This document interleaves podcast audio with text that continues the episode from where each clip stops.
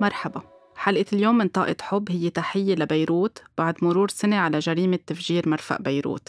الجريمة اللي أطاحت مدينة بكاملها هزتنا كلنا ورجفتنا ببيوتنا وأيقظت فينا كل الأوجاع وصدمات الحرب غير المشفية.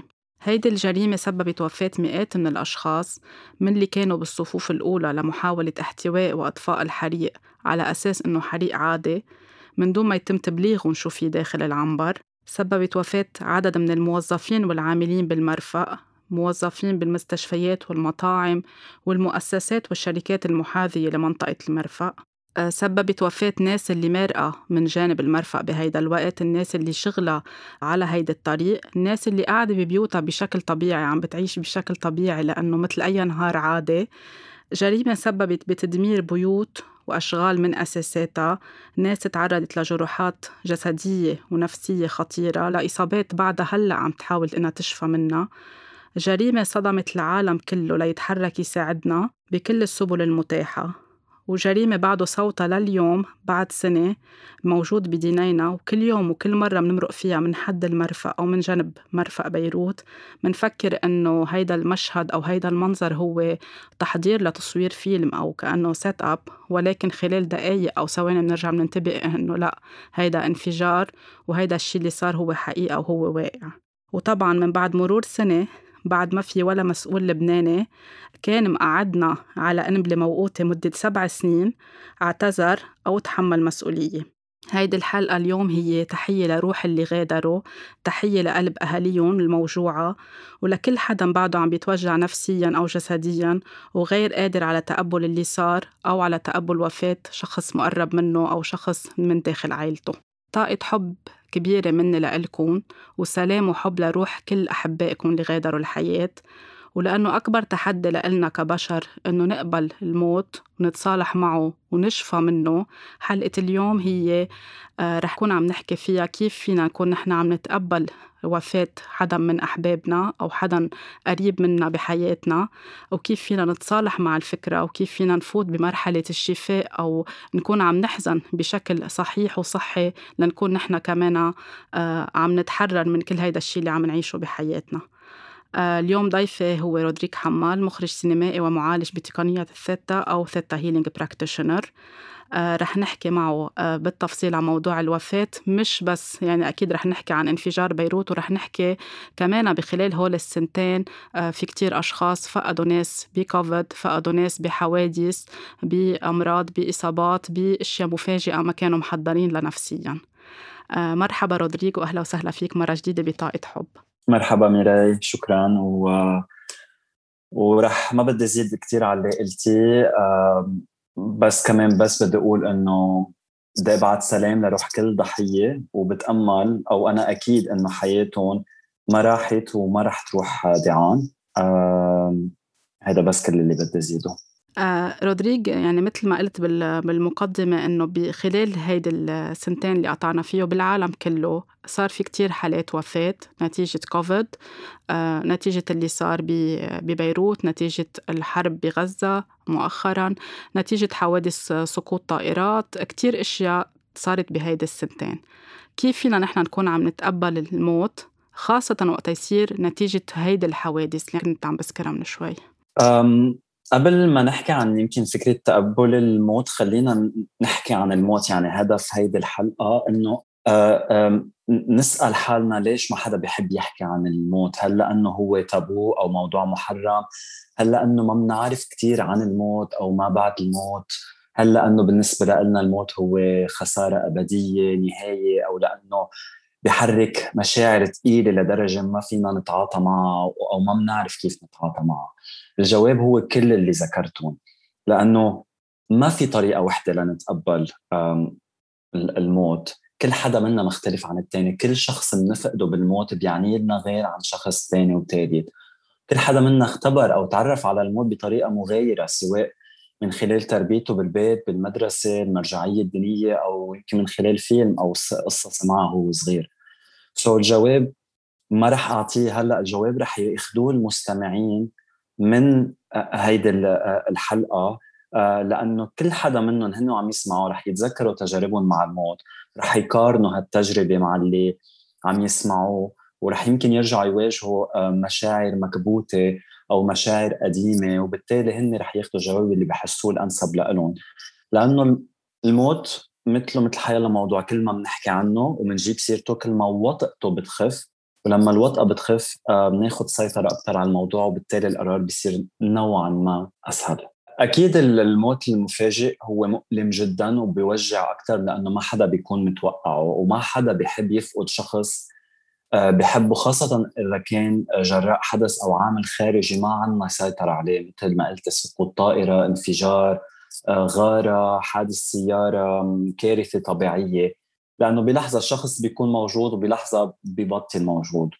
آه، هون بنصير بحاجة بالأول لاستيعاب الصدمة اللي بتاخد وقت وبعدين بدنا نستوعب فكرة إنه الشخص بطل هلأ موجود بطل على قيد الحياة. وبنرجع نتذكر الصدمة وبتفوت القصص ببعضها. وفي نقطة مهمة إنه لما نفقد إنسان بطريقة من الطرق اللي ذكرتهم بصير في عنا من مال إنه بدنا نتطرق لمشاعر الحزن والخسارة ومن مال منفكر كيف هالشخص فارق الحياة بطريقة عنيفة. قد إيه تعذب قد إيه تألم لفارق الحياة. هل يا ترى كان في حدا يخلصه؟ وزيد على هول غضبنا على العامل اللي سبب الموت خاصة إذا كان فرد أو مجموعة أفراد أدت لموت الإنسان اللي بنحبه بس إنه هل يا ترى إذا نحن عارفين إنه اللي بنحبه رح يفارق الحياة قريبا سواء كان كبير بالعمر أو آه، عم بيصارع مرض معين بنكون محضرين أكثر وجاهزين للوداع أكثر إيه ولا يعني نظريا يمكن ولكن هيدي منا قاعدة. تقبلنا للموت منه مرتبط بس بالطريقة قد ما هو مرتبط بشغلتين. أول شيء قد إيه نحن متعلقين بالإنسان اللي فارق الحياة وكيف كانت علاقتنا فيه خلال حياته. واثنين قد إيه نحن متصالحين مع فكرة الموت بشكل عام وقد إيه بنحكي فيها. شو هي أبرز المراحل اللي بمر فيها الشخص آه، بس يتلقى خبر وفاة شخص قريب منه داخل العائلة أو صديق أو يمكن زميل حتى بالمكان العمل؟ أوكي في هن معروفين في خمس مراحل بنمر فيها لما نخسر شخص بنحبه اسمهم ال five stages of grief أو ما يعرف بمراحل الحزن الخمسة وهو هيدا نموذج عرضته دكتور إليزابيث كوبلر روس هي طبيبة نفسي آه، نفسية سويسرية عام 1969 آه، بكتاب عنوانه عن الموت والوفاة. so رح أستعرض هالمراحل وجرب فسر كل نقطة باختصار ومن بعدها بنحكي إذا بدك شو بيصير لما أشخاص بتعلق بمرحلة معينة أو بتقفي مرحلة أو بتحرق مراحل. المرحلة الأولى هن خمس مراحل. أول شيء رح أذكرهم. رح أذكرهم آه، باللغة الإنجليزية وبعدين ترجمهم denial anger bargaining depression acceptance أو الإنكار الغضب المساومة الاكتئاب والتقبل خلينا نحكي عن الإنكار. بهيدي المرحلة أول ما نسمع خبر الوفاة أول ردة فعل بتصير نقول إنه أكيد لا. أكيد ما صار هيك هيدا مش حقيقة هيدا كابوس عم بسمع غلط. بصير هول العبارات يا بنقولهم براسنا أو بصير يطلعوا منا. لأنه مثل كأنه هيدي عم ناخذها جرعة تخدير لنا تما نصدق شو صار. هيدا التخدير هو عملية دفاع عن النفس أو self defense mechanism بيحمينا هيك لفترة صغيرة من وقع الخبر وبيخلي جسمنا أو جهاز مناعتنا على مستوى معين من الحماية تنكون استوعبنا الفكرة وصدقناها. مثل كأنه بنترك الواقع الحقيقي وبنختار نروح على واقع آخر آه، ما صارت فيه حادثه الوفاه أو كانوا بتعرفوا واحد بغمض عيونه بسكر ديناه إنه ما بده يسمع أو يشوف. هيدي المرحلة سواء كنا محضرين لخبر الموت أو ما كنا محضرين بتساعدنا لفترة وجيزة هيك نهضم الخبر شوي تنحضر حالنا اللي جاي بعدين. وجزء من الإنكار منه بس إنه إنكار الوفاة بحد ذاتها بصير في كمان إنكار على قدرتنا إنه نحن نكفي الحياة. يعني بنصير نقول خلص آه، خلص كل شيء أنا ما رح أعرف كفي الحياة ما لها معنى أنا وين شو عم بعمل هون. كل هول ردات الفعل هي كمان آه، آه، تخدير قبل ما نواجه الحل هي أول مرحلة. ثاني مرحلة يلي هي الغضب. هيدي مرحلة كمان ضرورية جدا. ضروري نغضب قبل ما نشفى. كل ما غضبنا وكل ما سمحنا لحالنا نغضب كل ما هالمرحلة بتكون نسبيا أقصر. آه وعشو بنغضب؟ نغضب أول شيء على الموت بحد ذاته لأنه براسنا بنعطيه مثل صورة إنه الموت هو وحش اجى وأخذ اللي بنحبه. نغضب على الشخص اللي توفى لأنه تركنا. نغضب عليه أو عليها لأنه كانوا بهيدا المطرح بهيدا الوقت اللي صار فيه الحادث. نغضب على المسبب بحالة الوفاة سواء كانت الطبيعة أو حدا عم بيسوق السيارة أو بحالة لبنان طاقم سياسي بأكمله كان عارف إنه في مواد متفجرة بمرفأ بيروت لمدة سبع سنين. في أشخاص بتغضب على على القدير أو على الله وعلى القديسين أو اللي بيآمنوا فيهم لأنه مثل كانوا بيعتبروا ان هن ما حميوا اللي بحبون أو سمحوا يصير هيدا الشيء.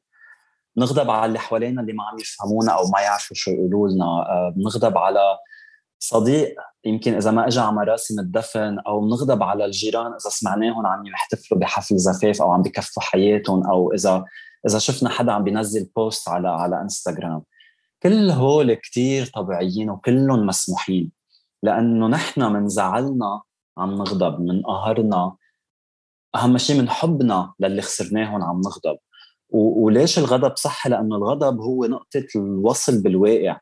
طالما أنا غضبان على اللي مات أو على حيلا حدا من حولي يعني أنا بعدني مربوط بالحقيقة يعني أنا عارف شو صار يعني أنا عايش بالواقع يعني قطعت مرحلة الإنكار اللي هي المرحلة الأولى يعني صرت أقرب للشفاء.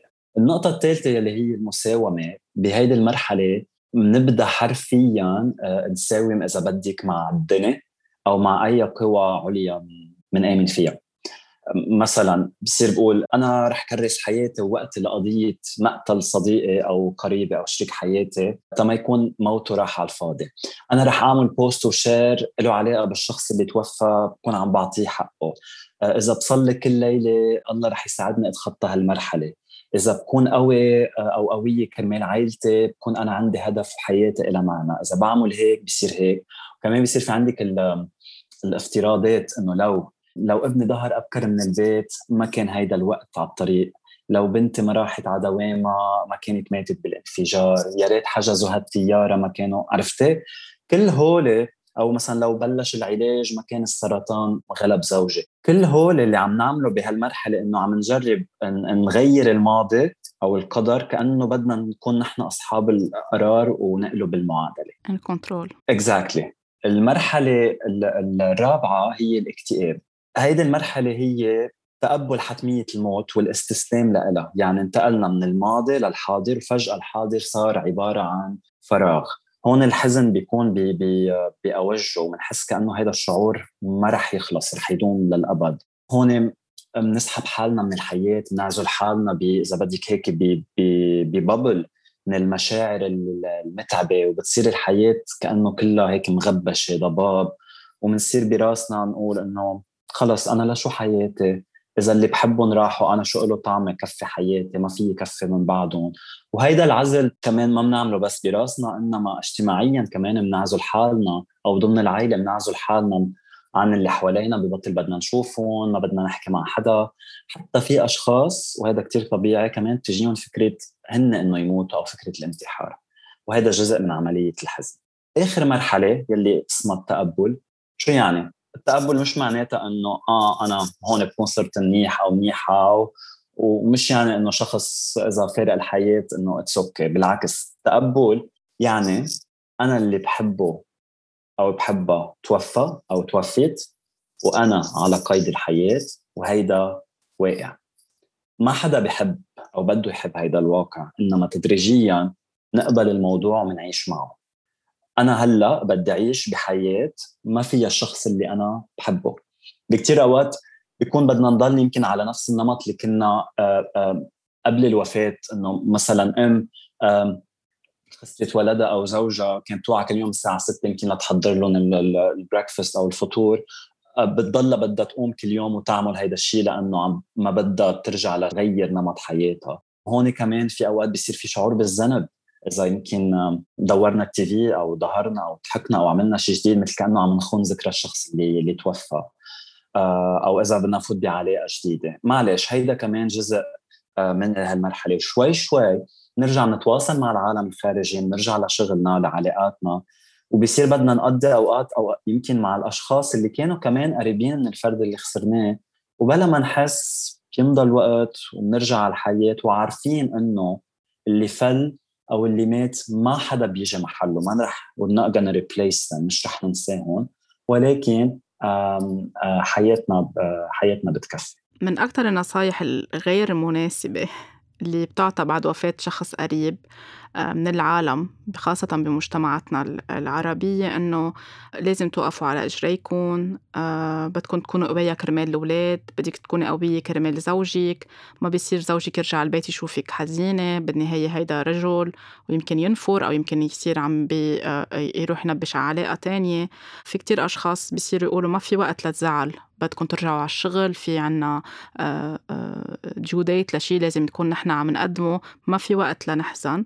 أو الحياة بدها تكفي وغيرها. يعني كتير من الأمثال أو العبارات اللي تستخدم بحياتنا اليومية بنفكر إنه نحن عم نعزي الشخص أو عم نعطيه push أو عم نعطيه دفع أو motivation ليكون عم بكفي حياته. قد إيه هيدي النصائح منا بمحلها خاصة بهول الخمس مراحل اللي ذكرتها لأنه بدهم ينعطاهم وقتهم وبدهم نشوف كمان كل شخص يمكن مش كل اثنين بيقطعوا بمرحلة الغضب بنفس الوقت. في ناس بتاخد لهم شهر في ناس بتاخد لهم سنة. فقد إيه هيدي النصايح منا مفيدة عم تخلي الشخص يعيش يضله عايش بدينايل عم بخبي مشاعره وشو تأثيراتها على المدى البعيد وعلى المدى القريب.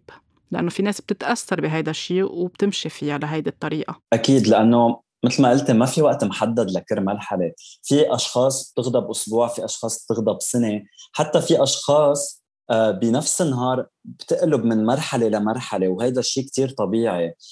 وفي أشخاص ما بيكون مثل ما قلت انعطاهم آه، الوقت اللازم لهالمراحل أو لمرحلة الحداد لأنه بيكونوا يفكروا اللي حواليهم إنه هن عم بيساعدوهم إنما هن بيكونوا عم يضغطوا آه، عم يضغطوا عليهم.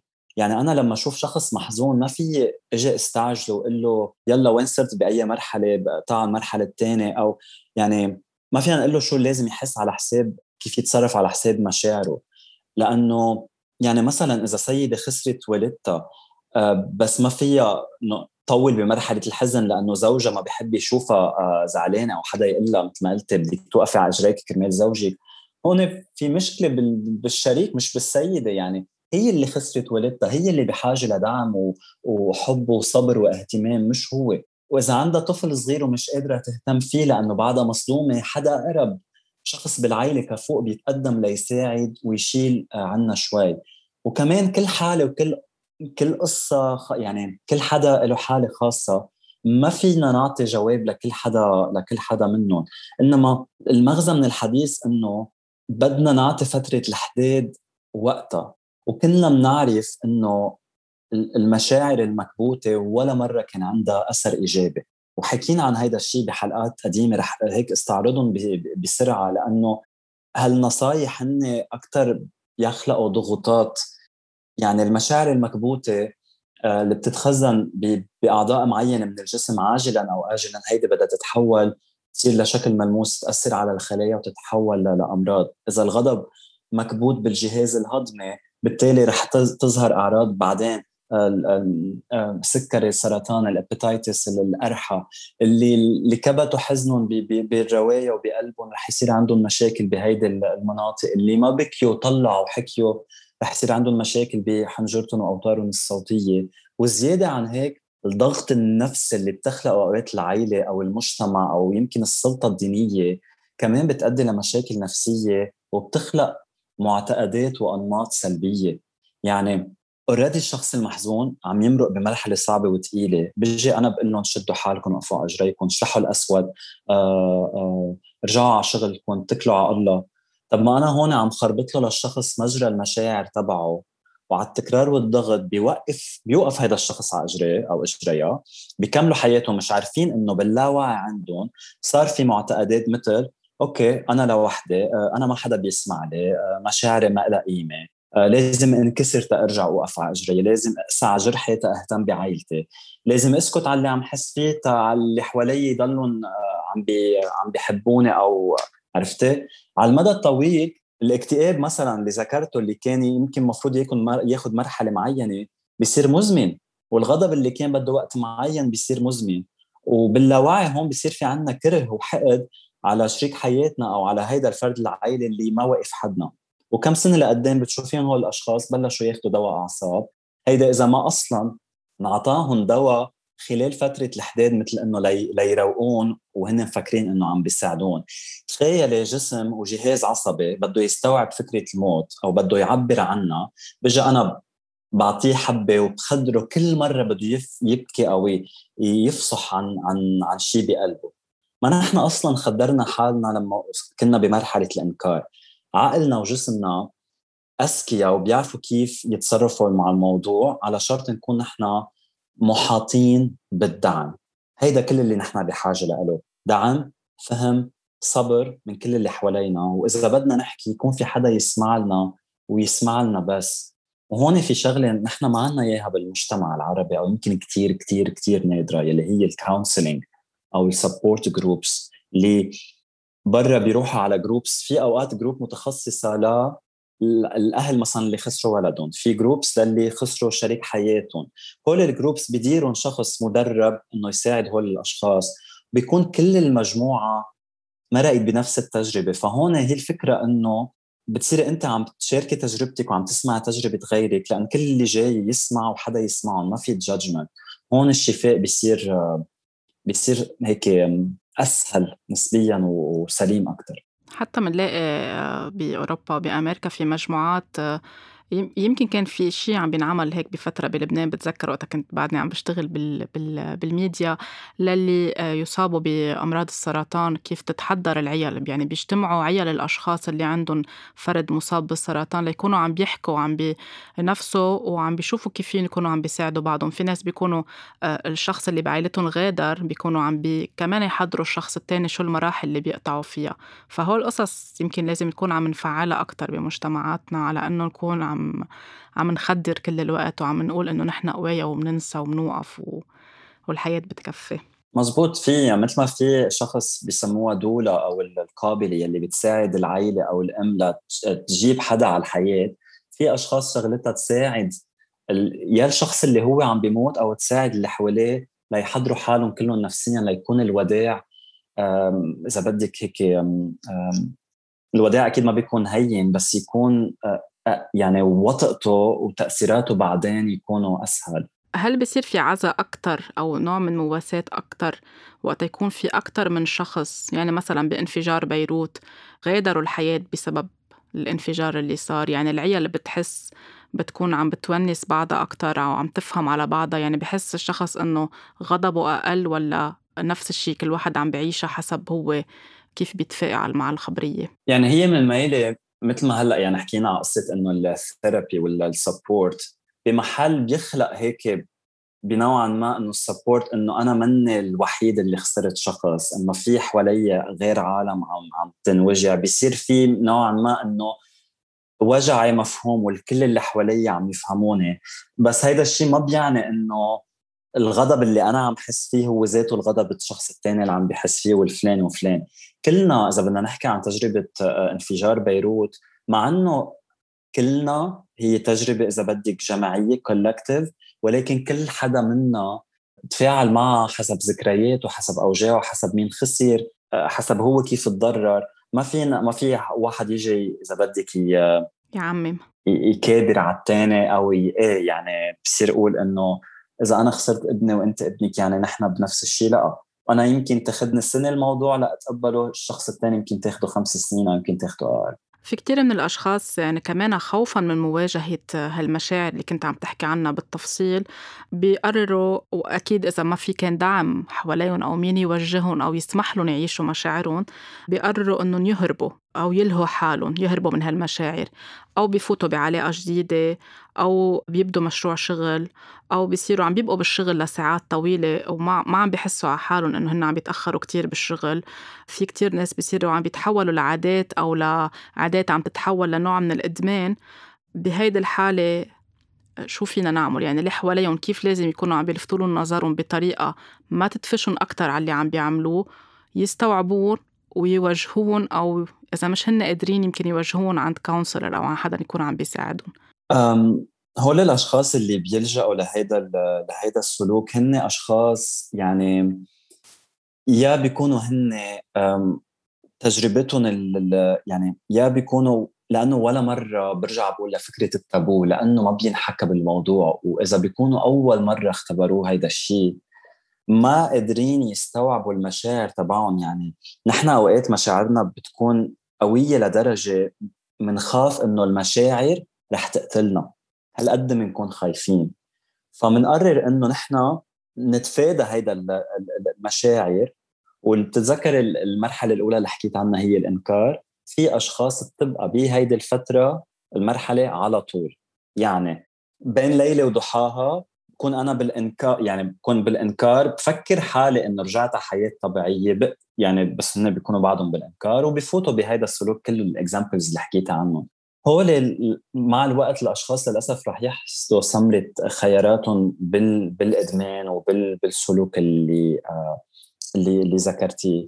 هون ضروري هول الأشخاص إذا نحن ما من يعني ما ما بنعرف كيف نحن بدنا نحكي معهم ضروري نجي نقول لهم اللي عم تعملوه منه سليم اللي عم تعملوه لإلكم منه صح. نوجههم نعطيهم أرقام counselors أو آه، آه، معالجين نفسيين. آه، أو بس نضلنا حدهم نحسسهم إنه نحن موجودين إذا بدكم تحكوا لأنه هول الأشخاص كان لأنه ما معودين يحكوا. بنقول نصير هيك شوي شوي نحسسهم إنه في support وراكم حيلا وقت أنتم بحاجة تحكوا نحن معكم إذا أكيد صار في إدمان كحول أو مخدرات ادويه لازم لازم نعمل الانترفنشن لازم آه، نفوت ونوقف هذا الشيء وإلا نرجع نخسر هذا الشخص مرة ثانية وتخيل لأنه هول الأشخاص إذا بهيدي التجربة الموت الأولى يمكن اللي قطعوا فيها تصرفوا هيك وإجتهم تجربة موت أو خسارة تانية تخيل كيف معقول بعد يصير لأنه ال impact بيصير double و triple هل لازم نضلنا عايشين بحالة حداد كل الوقت؟ يعني في ناس آه، ذكرت أنت من شوي خلال الحديث إنه بتحس بالذنب أو بتخاف إذا كفت حياتها أو بتخاف إذا اندعت على حفلة زفاف وراحت على حفلة زفاف بعد سنة أو بعد سنتين أو إذا آه، دورت التلفزيون أو سمعت موسيقى أو راحت اهتمت بشكلها الخارجي آه، كيف هون فينا نميز؟ وقد نحن كمان بيتطلب منا ك... كأشخاص نكون رؤوفين مع بعضنا. يعني مش ننتقد إذا شفنا حدا آه، متوفى له شخص بعائلته نبلش نجلد فيهم إنه عملوا هيك وسووا هيك مثل كأنه منهم محظوظين عن جد لأنه نحن ما بنعرف شو في بقلب العالم أو شو في هن كيف عم بيقطعوا بهيدا الحزن. أكيد نحن ما فينا نضل عايشين بحداد دايم. مثل ما قلت هول المراحل اللي ذكرتهم لازم نقطع فيهم كلهم. قد إيه بياخذنا وقت؟ يعني هلأ اللي عم يسمعوا رح يصيروا يمكن يتذكروا المراحل اللي قطعوا فيها أو رح يصيروا يقولوا طيب إذا أنا هلأ توفى لي شخص أو صار لي سنة وما عم بقدر أنا هلأ بأي مرحلة قد إيه بدي وقت؟ كل واحد بده ياخذ الوقت اللي هو بده إياه وهو كل شخص هو من جوا رح يعرف امتين صار جاهز إنه يطلع من فترة الحداد وهي مش إنه نام نهار بنوعى تاني نهار خلص الحداد. هي بتصير تدريجيا ولما نطلع لورا بنلاحظ لحالنا إنه آه نحن رجعنا شوي شوي على الحياة. والأشخاص اللي هي بتقرر إنه بمحل إنه على الرغم من حدادها إذا بدها تهتم بحالها وتهتم بشكلها ما حدا بحق له ينتقدهم أو يجي يقول لهم لا آه، بعد ما صار أسبوع بعد ما صار 40 يوم بعد ما صار سنة. ما حدا بيعرف شو في بقلب الثاني لأنه يمكن في أشخاص جزء من هي كيف عم بتساعد حالها أو رجعتها على الحياة اللي هي المرحلة الخامسة أو التقبل جزء منها إنه آه، آه، ترجع تهتم بشكلها تداوم عملها آه، تظهر مرة بالأسبوع تتعشى مع أصدقائها لأنه بالنهاية الحياة بدها تكفي. وبتصير القصص أورجانيكلي بشكل عضوي تصير طالما في حوالينا الدعم. كل واحد منا بيختار هو امتين مرحلة الحداد تبعه بتخلص. نحن ما بحق لنا نتدخل بمرحلة الحداد تبعه للشخص الثاني إلا إذا شفنا إنه الشخص الثاني عم بيروح صوب شيء كتير معقول يأثر له خطر على حياته مثل ما حكينا قبل يلي هو الكحول أو المخدرات أو حدا يمكن حاول هو ينتحر. هون بس نعمل مداخلة والباقي ننطر نصبر ومنقدم الدعم. كمان بدنا ناخد بعين الاعتبار إنه في ناس بطبيعة شغلها مثلا اللي بيشتغلوا بالإعلام بدهم يرجعوا قدام الكاميرا أو اللي بيشتغلوا بمجال التمثيل أو بيشتغلوا بمحل بده يكونوا هن اكسبوزد كل الوقت. فكمان آه، هون أوقات بيصير في ضغط عليهم بين هن كيف صورتهم الخارجية بدها تكون وكيف هن بدهم يعيشوا الحداد تبعولن. صح مزبوط. أو حتى يعني إذا كانوا أشخاص بغير بغير وظائف إذا كانوا أطباء أو أو صحفيين أو حيلا حدا بمحل يعني كمان هن بدهم يرجعوا يلاقوا حالهم. فنحن ما فينا نحن آه، آه، نحكم على هن كيف عم بيلاقوا حالهم. نحن بس اللي نعمله لأنه هيدا كيس بده يقطع على الكل. الموت أمر محتم هو جزء من الحياة.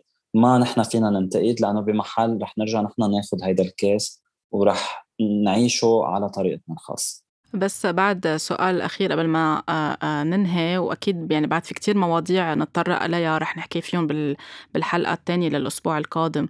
بس كمان شغلة على طول بننساها نتطرق عليها بموضوع الموت الأشخاص اللي بيكونوا بالصفوف الأولى يعني اللي بيكونوا rescuers أو اللي بي بيحاولوا إطفاء حريق مثلا اللي صار بانفجار بيروت بفترة كوفيد اللي كانوا عم بيشتغلوا بالمستشفيات أو بالإسعافات بالهلال الأحمر بالصليب الأحمر الممرضين الممرضات الأشخاص اللي بيكونوا بالصفوف الأولى حتى صحفيين. هول كمان بيكون عم بيقطع عليهم شوك كتير قوي أوقات بيكون هن كمان آه، فقدوا شخص بحياتهم. هون كمان قد إيه لازم هول الأشخاص يكونوا عم بيسمحوا لهالمراحل يقطعوا فيها لأنه بعدين رح يكونوا عم بيعملوا بيرن أوت أو رح يعملوا اضطراب ما بعد الصدمة. أكيد لأنه الموت آه، يعني مش ضروري إذا يعني تجربة الموت ما ضروري إنه يكون أنا خسرت حدا بعرفه. يعني إذا طبيب أو ممرضه أو أو أو إطفائي أو أو مسعف شاف حدا قدامه مات أو توفى حتى لو ما بيعرفوا لهيدا الشخص تلقائيا هيدا الموت قد ما يكون مارق بهيدي التجربة مرة كذا مرة هيدا الشيء رح يأثر عليه ورح يرجع يقطع بهول الخمس مراحل. ما رح يكونوا يمكن الخمس ياخذوا وقتهم قد ما إذا كان الشخص بيعني له إنما إجباري يقطع فيهم لأنه أكيد رح يغضب إنه هو ما قدر يخلصه أكيد رح يكتئب لفترة أكيد رح يعمل إنكار رح يعمل مساومة إنه لو عملت هيك لو خلصت هيدا الشخص اسرع قد خلصت ثاني شخص. هول كمان الأشخاص بدنا تحية كبيرة لهم وبدنا كمان نفهم قد إيه هن بيعيشوا آه، ضغوطات هن يمكن بيشوفوا الموت على يوميا. وهول من أكثر الأشخاص اللي بحاجة كمان لدعم وهن يمكن ما بيكونوا عارفين إنه عندهم هذا الخيار بس هن كمان بحاجة هول أكثر شيء يحكوا أو يروحوا لجلسات group therapy وين فيهم يشاركوا خبراتهم ويحسوا إنه هن منهم الوحيدين. آه إنه بعرف إنه آه في طبيب غيري عم بحس بهذا الشيء أو في زميل لإلي كمان حس ما يكونوا عم يتاخذوا بفكرة إنه واجباتنا أو بهذا الشعور إنه نحن على طول بدنا آه آه يعني السيفير تبع نحن المخلصين لكل شيء بيكونوا على حساب مشاعرهم والصدمه اللي هن عم يقطعوا الصدمة اللي هن عم يقطعوا فيها. أكيد. لأنه في كتير حتى أشخاص باللي خرجوا لإطفاء الحريق ببيروت بمرفأ بيروت حسوا بالذنب ليه هن اللي راحوا ليه مش هن اللي راحوا أو ليه زملائهم هن اللي اللي توجهوا أو يعني هل هالديلام أو هالشعور المزعج المعضله اللي بيقدروا بيعيشوا فيها هن كل الوقت وبيصيروا عم بعيدوا كل سنة عم سنة عم بيقطع ذكرى عم بيرجعوا يعيدوا إنه لو صار هيك أو ما صار هيك. وبده يكفوا حياتهم. يعني هو صار صار الشيء فقدوا زملائهم أو فقدوا أحبابهم بس هن عم بكفوا شغلهم كل الوقت. هيدا كمان ما فينا نكون عم ما ناخده بعين الاعتبار. أكيد. ومثل ما رجعت قلت المراحل اللي ذكرتهم هن منهم ما بيجوا بالدور ومنهم إنه على فترة معينة. ولأنه هيدا الشيء اللي صار بمرفق بيروت الانفجار من سنة يعني آه، خارج عن عن مألوف. العقل ما يستوعبه العقل والمألوف. هول الخمس مراحل يمكن ياخذوا خمس سنين يمكن ياخذوا ستة وطالما لأنه بعد في ما صار في محاسبة وما صار في عدالة رح نضل في غضب ورح يضلهم نفوت من شيء لشيء لأنه طالما رح نتذكر رح نرجع نقطع فيهم لهول المراحل لأنه بعدنا عم نشفى الجرح كتير كتير غميق وبعده يعني كل ما يصير في شيء ومع الوضع طب أكيد اللي عم بيصير هلأ بلبنان مع كوفيد والمشكلة الاقتصادية وكل اللي عم بيصير هلأ مع البنوك والبنزين وكل هول هيدا الشيء ما بيساعد لأنه هو إذا بدك الحداد لازم يكون في الدعم.